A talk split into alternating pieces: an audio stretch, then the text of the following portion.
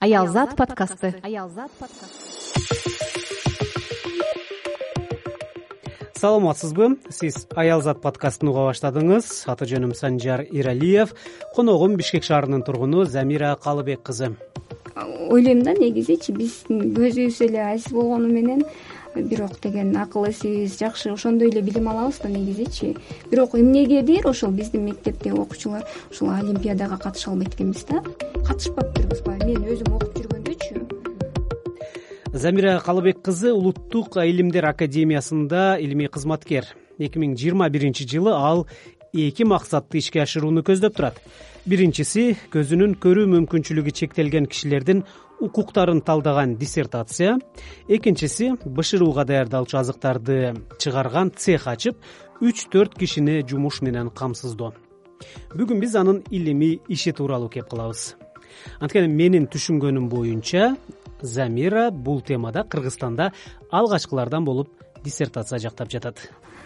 Анткени баягы өзүм да ошо көзүм азиз болгондуктан мага ошол категориясы жакын болуп эмне үчүн бул теманы алдым? Анткени мен баягы окумуштуулардын изилденген изилдеген темаларын карадым ушул темага боюнча баягы мүмкүнчүлүгү чектелген адамдардын укуктары боюнча жалпы жазылган баягы россиянын окумуштуулары бар экен. Э бир алар деле абдан аз э, бир эки эле диссертация бар экен негизичи жазылган.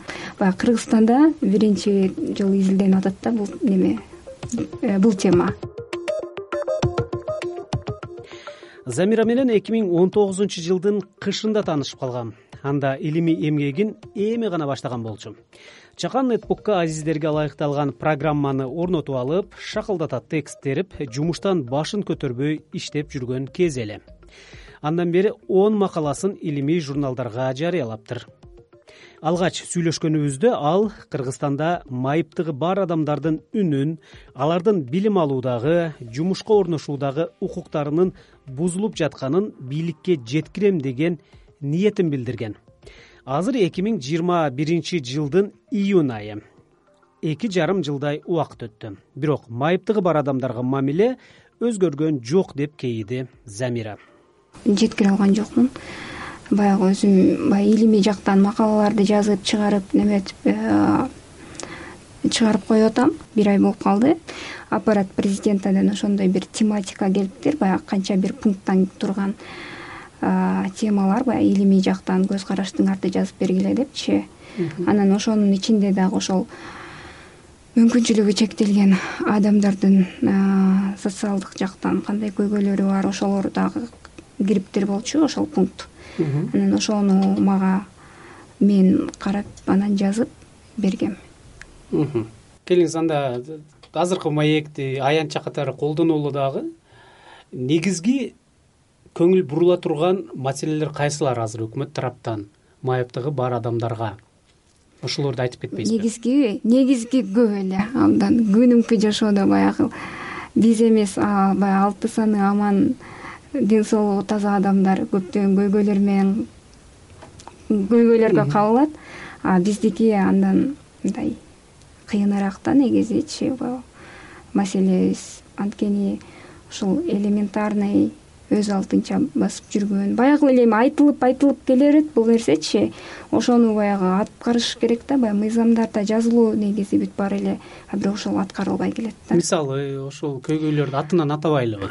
Мисалы ошол эле коомдук транспорт ошол эле жолдор ошол эле билим берүү жаатында ошол эле жумуш орношуу жаатында айта берсең ошондой ушундай эле көйгөйлөр көп да мыйзамдарда баардыгы соп сонун жазылган эмнелер аткарылыш керек бирок ал ишке ашпай жатат туура түшүндүмбү сизди ооба ооба жазылуу бирок э, ошол э, инклюзивный инклюзивдүү билим берүү мисалы мен аны мисалы ойлойм да негизичи биздин көзүбүз эле азиз болгону менен бирок деген акыл эсибиз жакшы ошондой эле билим алабыз да негизичи бирок эмнегедир ошол биздин мектептеги окуучулар ушул олимпиадага катыша албайт экенбиз да. То есть мен катыша албайбыз деп айта алмайм катышпаптырбыз баягы. Мен өзүм окуп жүргөндөчү а мен ошону ойлоп баягы аны деле билбейсиң да баягы чектелип жүргөндө коомчулукка аралашпай баягы мектепте эле жүргөндөчү.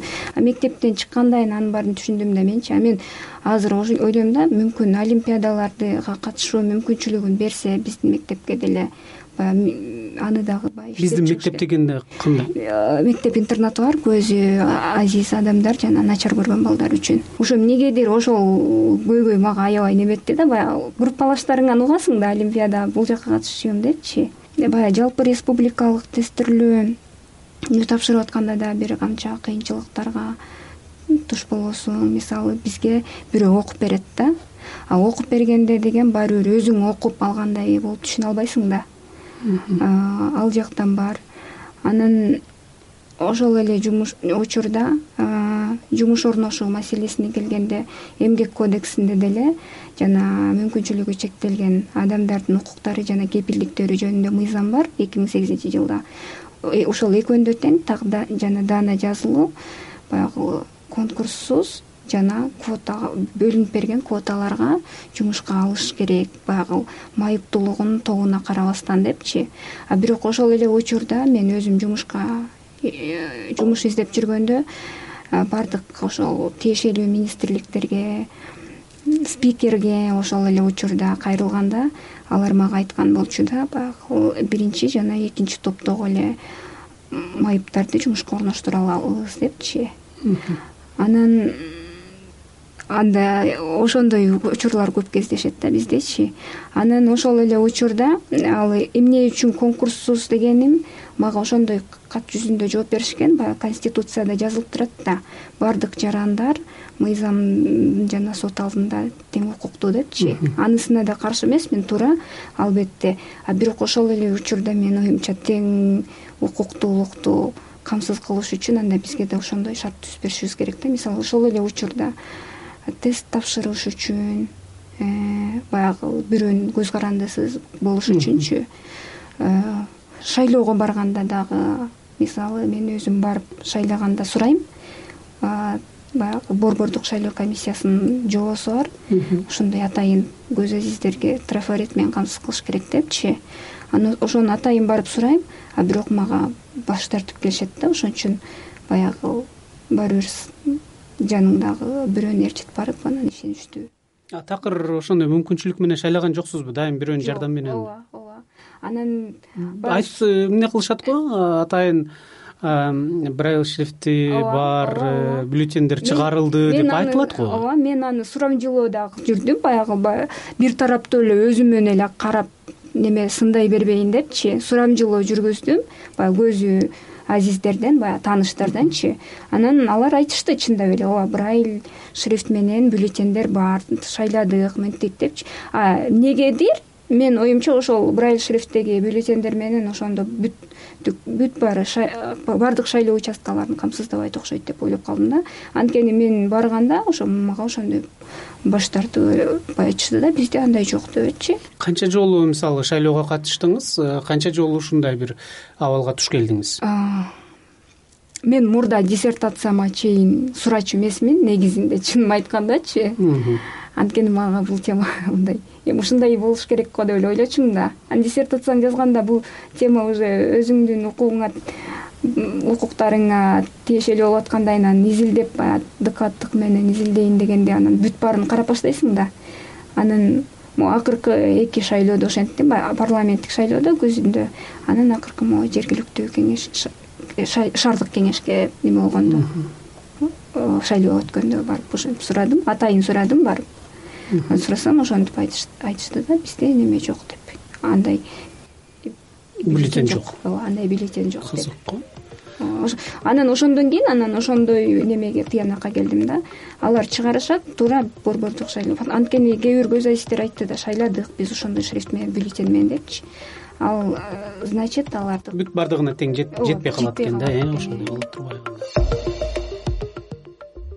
замира бшруга даярдалган азыктарды чыгара турган цех ачып үч төрт кишини жумуш менен камсыздоону да максат кылып жүрөт деп башында айтпадымбы? Кесиптеши экөө ал үчүн замира деп аталган коомдук фонд түзүптүр учурда документ иштерин бүтүрүү менен алек. Балким аял зат подкастында келечекте замира дагы бир жолу конок болуп цех ачкандан кийинки ийгиликтери менен бөлүшөр. Негизгиси замирада маанай жакшы мынтип ырдап да турат. Неме сүйүккөн эмес деген ырды ырдап көрөйүнчү билбейм окшошобу окшошпойбу азыр сен алыстасың менден узак. Арадан өтсө дагы канча убак